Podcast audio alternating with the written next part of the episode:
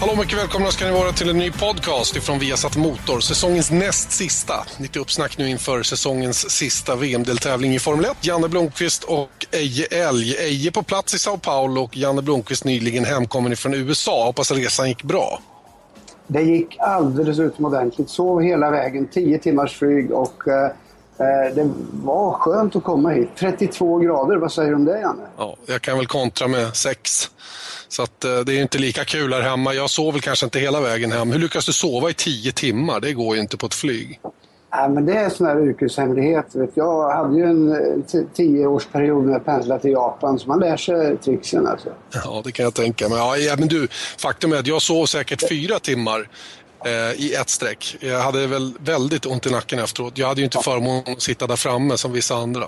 Nej, och sen så, det finns ju ett, ett litet fungerande trick eh, som är flytande. Ja, just det. Lite, lite mörkrött sådär. Funkar alltid. Det, det, är, det, funkar alltid som sagt. Ja, vi sitter här på varsin Skype-lina nu då. Det är därför det är lite sådär med ljudkvaliteten. Jag hoppas ni kan överseende med det den här gången i alla fall. Då. Eh, hur som helst, eh, på plats i Sao Paulo. Varmt och skönt har vi hört. Är det annars som vanligt? Eh, förlåt, nu hörde inte jag vad du sa. Är det annars som vanligt där nere, förutom värmen? Precis som vanligt. Ingen ordning på någonting. Kaos nere i depån. Alla hysteriska. Det är, vi står inför ett eh, viktigt avgörande. Årets viktigaste tävling. Och eh, ja, av någon anledning så brukar det ju bli oerhört eh, spännande här i Brasilien och eh, det är redan igång så att säga. Mm. Men som jag nämner också att, det, att ingenting fungerar bara, bara att ta sig hit, ja. Du har ju varit här så du vet. Idag var det ja. extra besvärligt. Det som normalt sett kan gå på, på en kvart, ja, det tog väl en och en halv timme. Och sen ska man in och hämta akkrediteringar och sånt där, såna här grejer. Fullständigt kaos. Alla förbannade gapar och skriker och det är väntan. Alla väntar på att få komma in. Så det är precis som vanligt, men det handlar om att eh, man får bara slappna av lite. Ja, det är så. Det är ingen idé att brusa upp över sånt man ändå inte kan påverka. Nej, Fotomange som var med var ju lite uppstressad men jag fick eh, ner honom i en stol där så det blev lugnt till slut. ja, Mange han jagar ju upp sig emellanåt. Jaha, ja, ja, men Brasilien som vanligt. Jag var inne på att de eventuellt hade byggt om banorna, men det var inte så till i år då, när vi gjorde lite research där. Det ser ut precis som det har gjort tidigare där också antar jag? Ja, det ser ut precis som det har gjort eh, tidigare. Och eh, jag har faktiskt eh, forskat lite i det där med lite lokala eh, människor här. Och de säger att ja, jo, de har sagt att det ska byggas om då till nästa år men det är tveksamt om det kommer att bli av. Så det är väl eh, kanske lite tricks för att eh, förlänga kontraktet som man har med Bernie Ecclestone.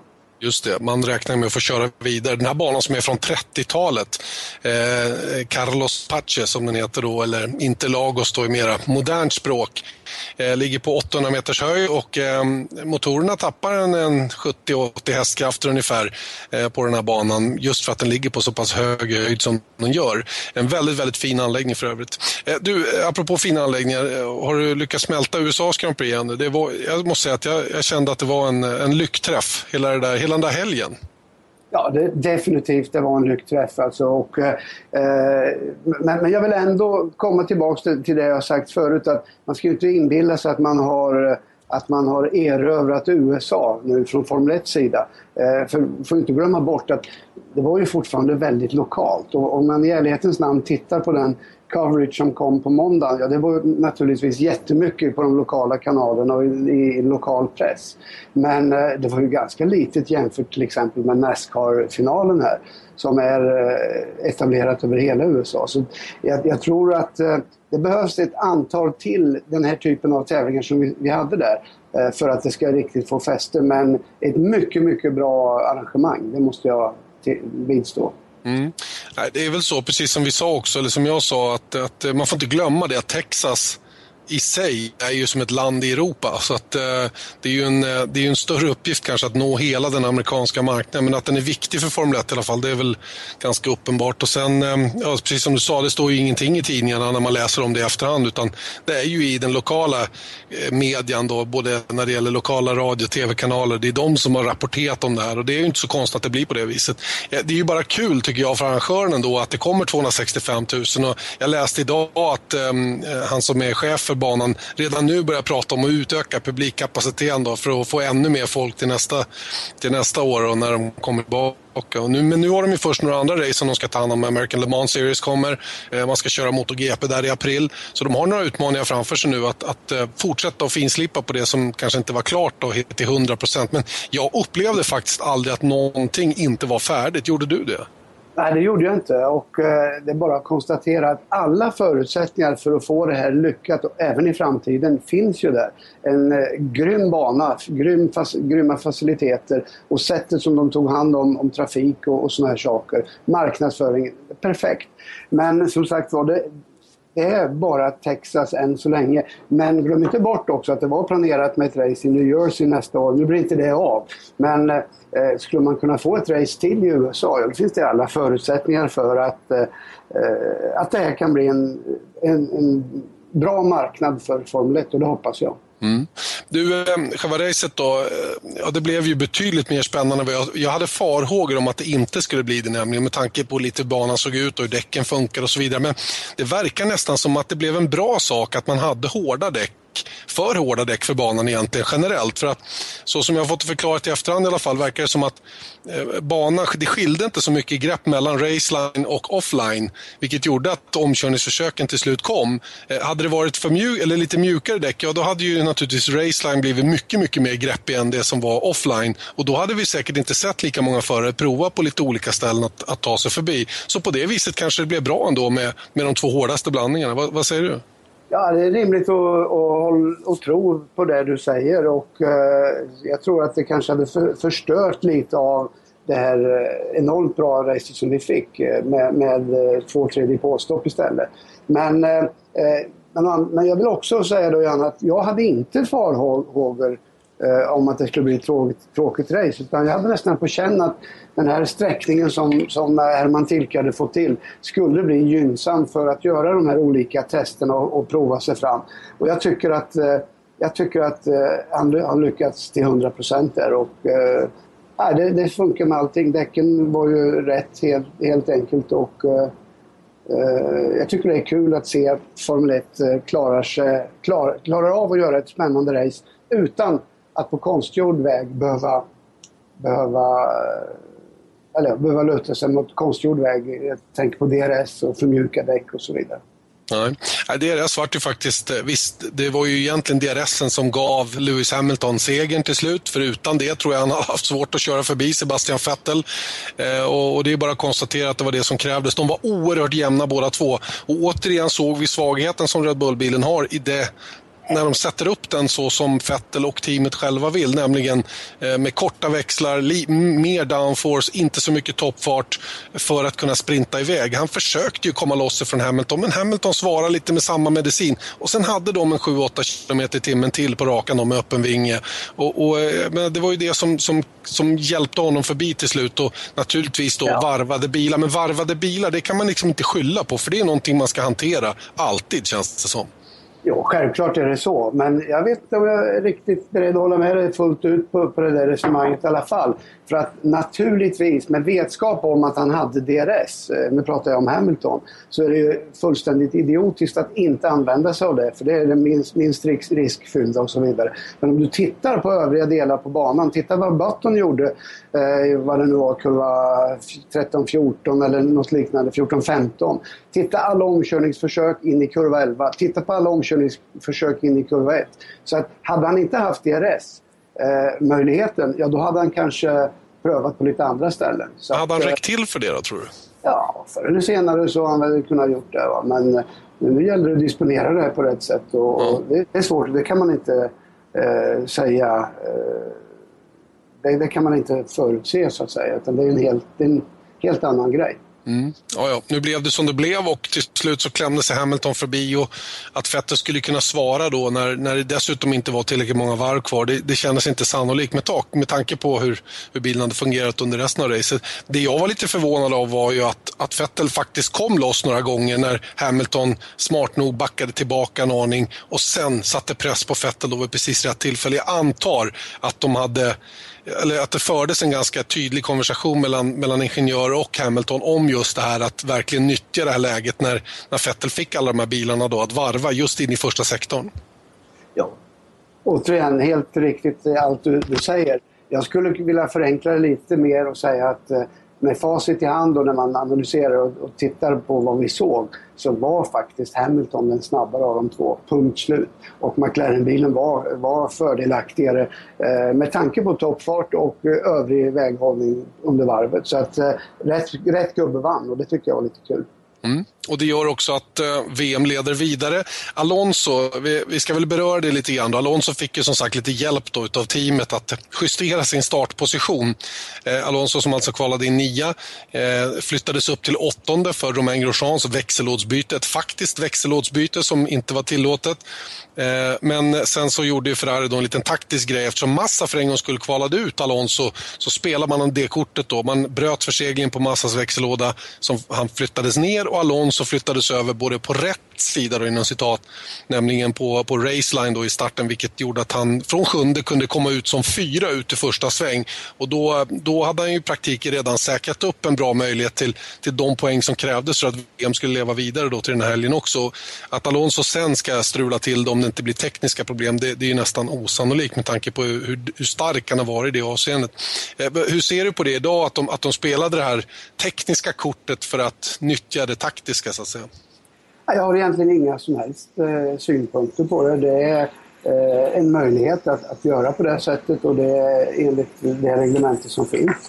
Eh, jag tycker eh, att det var eh, kvickt uppfattat och korrekt uppfattat och jag är övertygad om att eh, de flesta skulle göra likadant i en, i en liknande situation ur ett moraliskt perspektiv, då, så att säga, om man kan använda sig av det, det, kanske, det är väl väldigt naivt att säga att man rent moraliskt inte ska använda men, men liksom, är det rätt att göra på det där viset? Om vi struntar i vad reglerna säger och vad man inte får och får?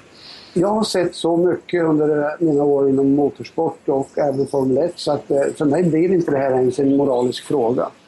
Så att eh, jag, jag eh, lägger ingen värdering på det. Det finns mycket värre saker som, som pågår som vi överhuvudtaget inte ser. Och det faktum att ingen av de andra teamen har ju klagat på det heller. Det är bara att eh, vissa fans naturligtvis kanske tycker att det är eh, lite omoraliskt. Ja, nej, men eh, så är det väl. Ferrari tog ett eh, smart beslut. De väntade dessutom ända in i det sista med att annonsera att man hade gjort det. Eh, för att eh, riskera, inte riskera då att typ Webber skulle göra samma sak, då, att man flyttade ner Webber då för att flytta tillbaka Alonso på den smutsiga sidan. Så att säga. Och det, det säger en del om hur mycket man faktiskt kämpar och sliter med faktiskt, och fortsätta vara med i mästerskapet så att säga. Vilket man nu är. Han tappar alltså bara tre poäng på Vettel i en tävling eller i, där det på förhand såg ut som Vettel var helt överlägsen. Jag tycker det är enastående och det visar ju på Ferraris styrka i år det här. Eh, att Alonso levererar som han gör och att de hela tiden är med uppe och är på bra slutplaceringar. Tar de poäng som krävs. Eh, vad har han för chanser nu då i, eh, i Brasilien? Det är ju eh, det är full attack som gäller naturligtvis för Ferrari. Och försöka sätta lite press press på Vettel och Red Bull då?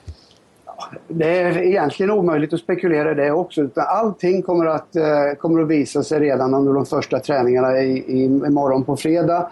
Eh, beroende på hur bilen passar här. Men om vi tittar historiskt då. Red Bull de sista tre åren har ju varit väldigt, väldigt snabba här. Det är ingen diskussion om den saken. Så det, jag tror att det blir svårt för Ferrari att kunna konkurrera. Och i ärlighetens namn, eh, Vettel det, det, är svårt att hitta argument för att han inte ska ta VM-titeln. Att hitta argument för att eh, Alonso ska ta VM-titeln, ja, då får man verkligen anstränga sig. Därför att det, det, man, man, kan inte gå på de vanliga faktorerna, att en snabb bil och erfarenhet och det ena med det andra. Utan han behöver ju hjälp. Alltså han behöver hjälp av att eh, tillförlitligheten brister hos Red Bull, att vädret eh, eh kanske gynnar honom att det blir oförutsedda saker som inträffar. Men om det inte är några större konstigheter, om det regnar så finns det till exempel ingen anledning att tro att Alonso ska vara så mycket bättre, eh, bättre eh, på det underlaget än vad Red Bull är. Snarare skulle jag vilja säga att Red Bull-bilen kanske är bättre i blött underlag. Så att för Alonsos del så det måste bli ett race med väldigt många oförutsedda eh, incidenter som inträffar och omständigheter som faller på plats. Men ja, Formel 1, det är där det händer. Och vi har ju haft, eh, vi har haft några race. Jag menar, vi kan ju inte, kan ju inte undgå att glömma den här fighten mellan Massa och eh, Hamilton. Där Massa 2008.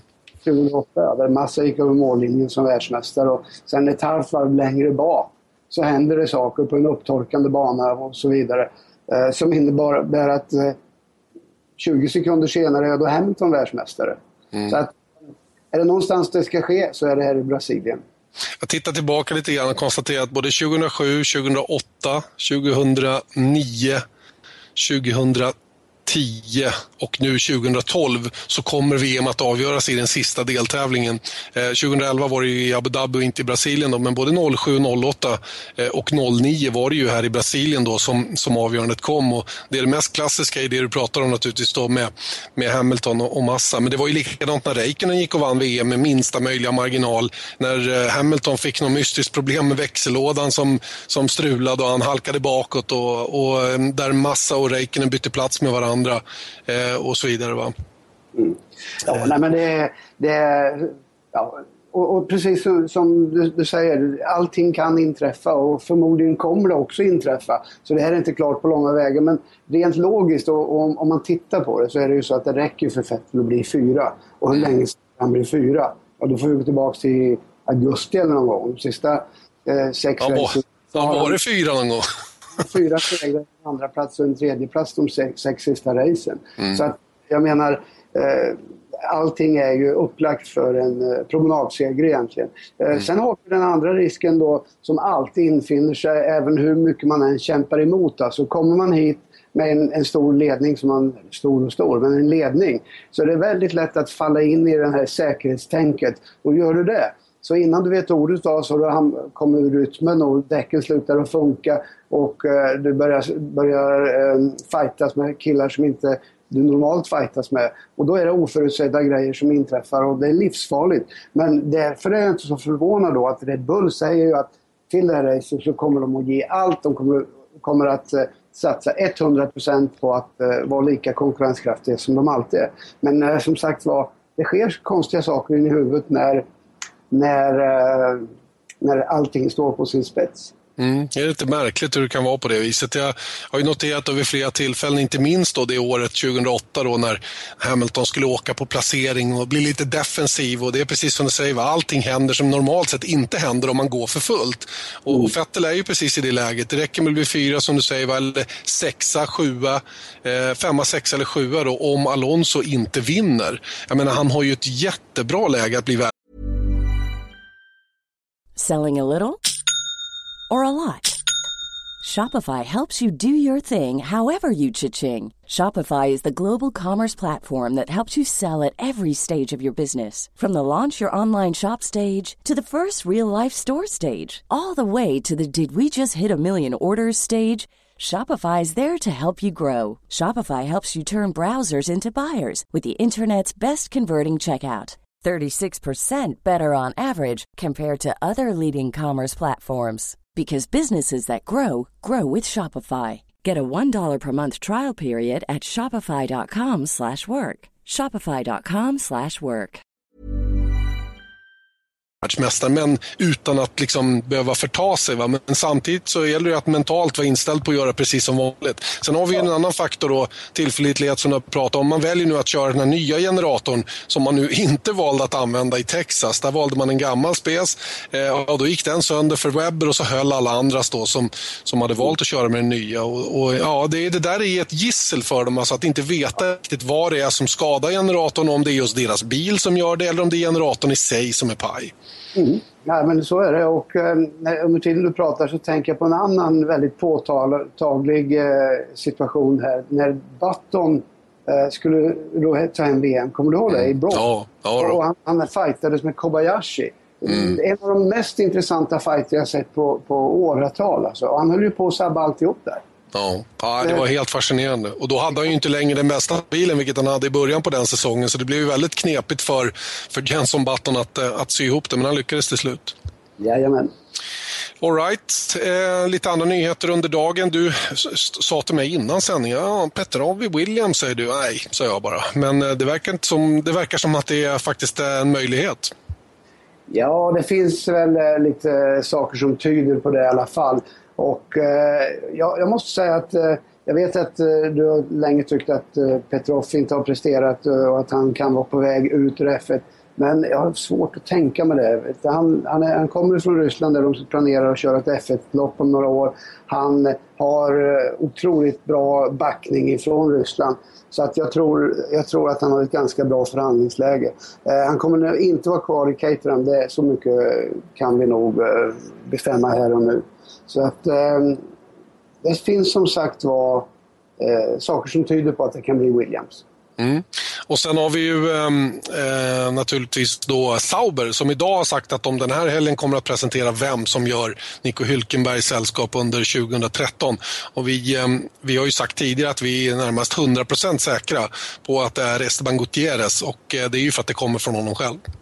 Just precis. Och det är ju veckor sedan han, eh, han sa det.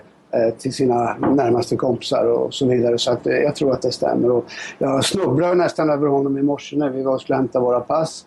Eh, så han är ju på plats och jag tror att det, jag tror att det är läge för att de kommer att annonsera honom lite senare. Mm. Ja, det är, väl en, eh, det är väl lite chansning från Sauber, men det har ju Sauber alltid hållit på med. Vi har ju många gånger höjt på ögonbrynen över hur ung och oerfaren startuppställning de ofta väljer. Eh, och att det ofta också faller ganska väl ut för deras del. Jag tycker det har blivit ett sånt där utmärkt bra första team för många förare att hamna i. Inte för dåligt, men inte jättebra heller, utan någonstans mitt emellan. Och om man kör bra så har man chansen att göra bra resultat. Ja, absolut. Jag menar, och det man har gjort i år med både Kobayashi och Perez tycker jag är enastående. Och jag tycker det är kul att det fortfarande finns de här, de här eh, teamen som vågar satsa på lite yngre förmågor. För jag menar, det är svårt nog som det är idag med rekrytering och, och ta sig från World Series eller GP2. Så att jag tycker att det är eh, jag tycker det är riktigt, riktigt bra. Alltså. Mm.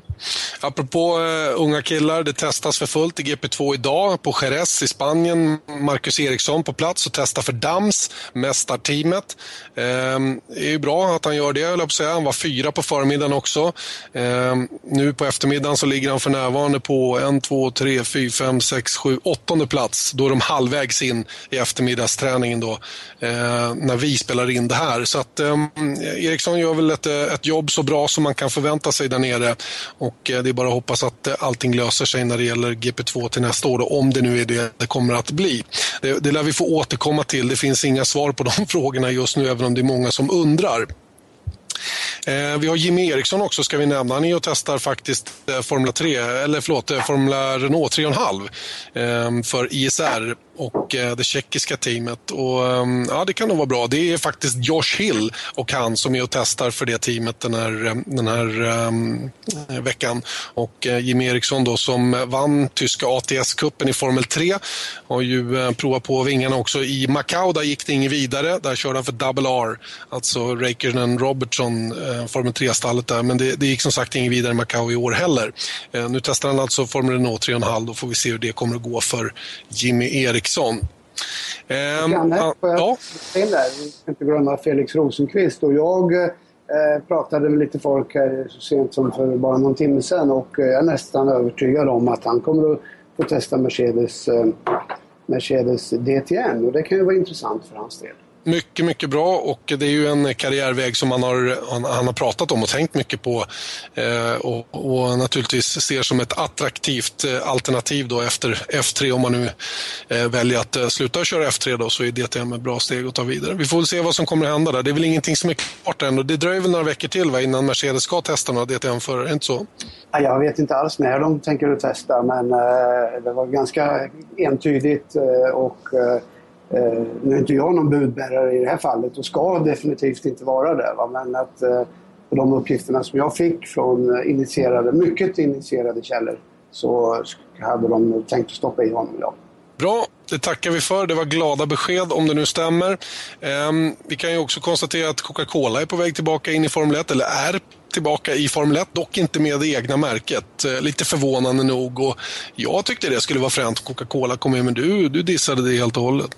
Nej, absolut inte. Jag skulle tycka det var jättefränt. Och vilken, vilken häftig bil, vilken häftig design det skulle kunna bli. Mm. Men, men vad, jag, vad jag menar är att eh, Coca-Cola måste ju vara världens mest uppvaktade företag när det gäller sponsorer från alla sporter. Och eh, det är ingen skillnad från Formel 1. Jag menar, man, man har från Formel 1 håll jagat Coca-Cola så länge jag kommer ihåg. Men det har aldrig varit någon Coca-Cola i Formel 1. Däremot så, det närmaste man har kommit var någon någon eh, deal med Bernie Ecclestone där man var official, eller skulle vara i alla fall, official soft drink och det var en massa sådana här wending, eller vad heter det? Wending machines. Ja, ja just det. Mm. Så vidare med Coca-Cola. Men närmare så kommer man inte. Jag vet inte ens om man fortsätter året ut. Va? Så att, eh, jag tror man står ganska långt ifrån varandra. Det är ju naturligtvis så att, att Formel 1 tycker att de är världens största eh, marknadsplats där man eh, behöver, be, behöver eh, exponeras. Coca-Cola tycker tvärtom. De tycker att ja, men är det så att vi har väl kanske världens mest kända varumärke, eller ett av dem i alla fall.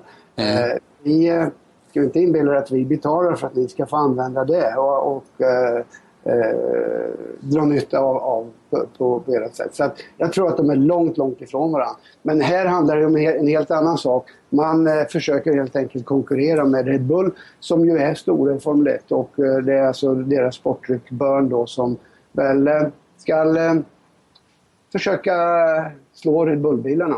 Mm. Eh, du försvann lite där. Det är alltså Burn, märket Burn, som, som Coca-Cola har tagit fram enbart för att stjäla marknadsandelar utav, utav Red Bull. Det är alltså inget märke som man har tänkt sig ska bli någonting, utan det är bara en sån där som man, som man bara gör lite snabbt och så ut på marknaden då. För att är det någon som köper burken så är det bra, för då köper de ingen Red Bull. Och det är ju så, så världen fungerar, så att säga. En annan grej när det gäller Formel 1 då, och eh, som är säkert lite känslo, känslosam den här helgen, det är ju faktiskt Michael Schumachers sista Grand Prix. Han eh, lägger av efter den här helgen och jag tror inte att han kommer tillbaka Eh, efter den här eh, andra comeback, eller den här comebacken som han har gjort, och sin andra karriär om vi kan kalla det det. Då.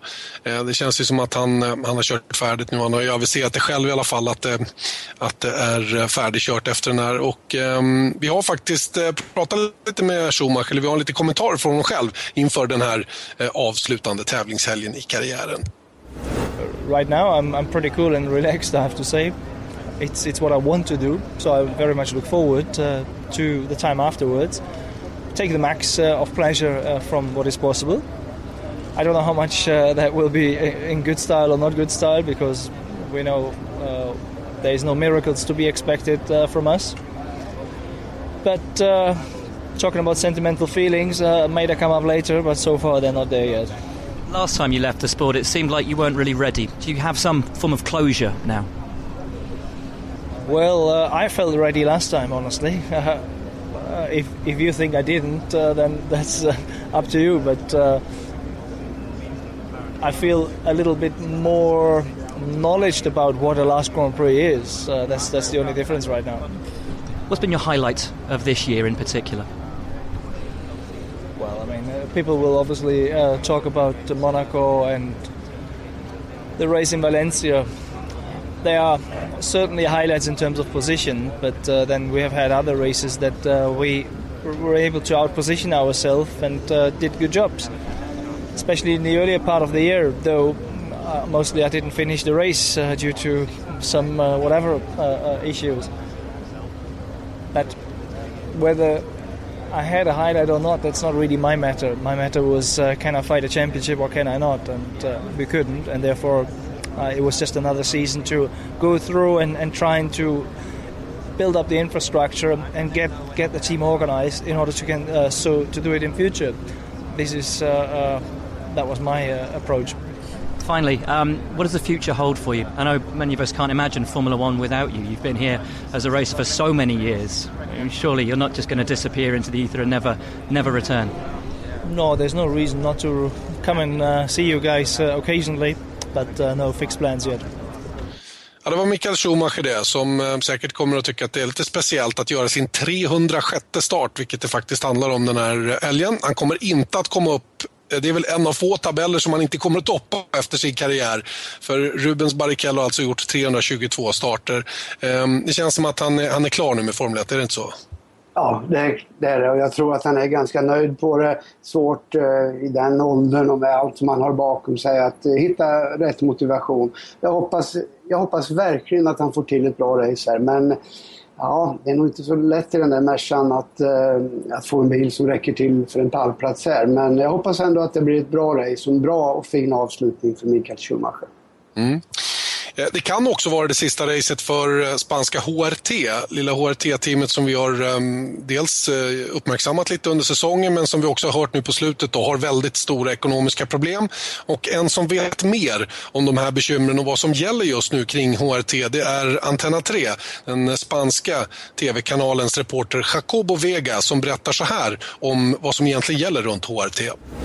Problem is that they the, the teams belongs to one uh, invest investing fund. So I mean they want to produce money and they don't want to spend money and don't get money. So they find a situation where they are not sponsors. There is a situation where the money is not coming and they don't want to spend more money. They are trying to sell the team but at the moment uh, today at this hour the buyers are not uh, are not uh, making a, a real a proper offer. So the situation now is that in two three weeks time they don't find an investor they will close the team and they will finish the operation. We hope that team will continue. We hope because we were a lot of time piercing uh, one one formula one team in spain. We have it now. We were three years struggling too much to have it.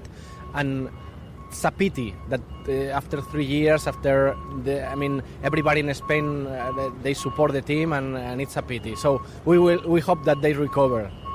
Ja, det var inga roliga nyheter kring HRT förstås, som um, mycket troligt då kanske kör sitt sista Grand Prix i Brasilien. Uh, och uh, ja, det är ju synd att det har blivit på det här viset. Ja, visst är det det. Men man kom in med lite fel förutsättningar och inte lyckats generera en, en, eh, ska säga, en eh, fundament att stå på. Och med tanke på den ekonomi som råder i Spanien och så vidare. Och inte lätt att hitta en köpare till det här så jag tror nog att det här är det sista vi ser av HRT. Mm. Ja, tråkigt som sagt. Och, jag vet Pedro, Pedro de la Rosa, då, en spanske veteranen då, som hade kontrakt för nästa år. Han, han kommer få svårt att hitta någonting annat att göra. Det kanske blir hans sista Grand Prix också. Då. Det är många som tackar för sig här. Ja, det blir det. Jag menar, han är ju Eh, hur gammal är han? 41, 42 ja, eller något 41. 41. Och, eh, ja, han har väl inte riktigt nått upp till den nivån som krävs för att eh, etablera sig på, eh, på, på, riktigt. Men eh, eh, vad som än sägs, en av de trevligaste killarna och en duktig chaufför, men inget världsmästarämne. Han blir väl tv-kommentator som alla andra gamlingar? Ja, det kan mycket väl tänkas. och när alla andra lägger av, då finns det de som börjar om igen? Ja, det, ja, nu syftar du väl på... På, på dig, ja. På mig, ja. ja, ja det, en liten comeback är det. Jajamän. Eh, och varför pratar vi om det? Jo, för att på lördag kväll, direkt efter kvalet, så eh, kommer vi visa ett eh, program ifrån din, eh, ska vi kalla det riktiga comeback då, men i alla fall ett litet äventyr, tycker jag är roligare att uttrycka det som. Eh, du eh, fick alltså tag i din gamla Formel 3-bil från 70-talet, från 77. Det gjordes i ordning till topptrim igen och sen så valde du då att ställa upp i det här klassiska Formel 3-loppet i Monaco två veckor före det ordinarie Grand Prix där och det måste ha varit en upplevelse att få komma dit igen. Det är klart att det var. Och just när det gäller historisk racing så är det ju Monaco-racet som är eh, eh, juvelen i kronan så att säga. Det är där alla är och eh, det var en fantastisk helg och en otrolig upplevelse. Körningen var väl inte kanske så imponerande men det har ingen betydelse. Det var ett, eh, en upplevelse som går utanpå det mesta måste jag säga. Mm. Ja, det ska bli kul att se det där programmet faktiskt. Gälls eh, mini-comeback alltså. Vi följer alltså Eje under hela den helgen då, när ni var på plats där och körde. Eh, och det som sedermera då utmynnade i en, vad blev det, sjunde plats totalt va? Ja, jag tror sjunde eller åttonde, det var inte så noga. Men, men vet du vad, jag är ju jätteglad att jag slipper vara hemma och se det, alltså, så jag slipper skämmas. Det är ingen fara med ja. den saken. Det var ju bara en liten tjuvstart där.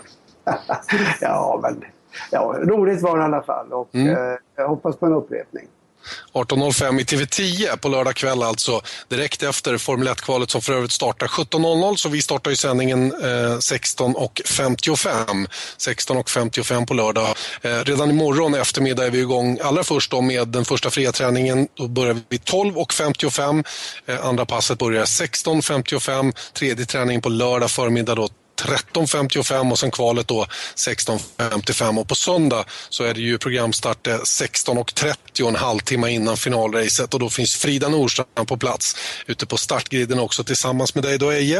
Eh, ser ut att bli en eh, fin helg vädermässigt till slut. Jag sitter och kollar på prognosen här. 31 grader imorgon och soligt. Lite mer moln på lördag, ännu lite varmare och sen bara 20 grader på söndag och regn. Så ser prognosen ut just nu. Då. Det är ju som upplagt för en briljant och spännande avslutning, eller hur? Ja, det kan ju inte bli bättre. Man kan ju undra vem det är som har beställt det här. Hur kan det komma sig att, att de här dramana alltid inträffar när Formel 1 ska avgöras? Men eh, ska vi vara tacksamma för det. Verkligen. Eh, tacksam för att du ställde, också på, ställde upp också på denna podcast. Eh, vår näst sista för säsongen alltså. Vi gör ju en till för att runda av det hela. Missa ingenting av våra tider under helgen. Viasat.se sport. Där finns tablåerna både för Sportkanalen och för TV10. Och i TV10 ser du alltså Eje Eldo när han körde det historiska Formel 3-loppet i Monaco tidigare i somras. Vi följde med Eje under helgen där och det ska bli otroligt kul att se vad det blir för någonting så småningom, alltså på lördag kväll 18.05 ser du detta. Alltihopa alltså. Vi hörs imorgon då Eje. Ha en jättebra kväll och ät inte för mycket kött nu. Ja, men jag ska, jag ska faktiskt eh, till den där jättefina restaurangen så det blir nog en hel del. Och korvarna ska vi inte ta dem, för det är de som är, det är, de som är verkligen kryddan på alltihop där. Det är världsklass det. Tack så länge då, säger Janne Blomqvist och Eje Elg.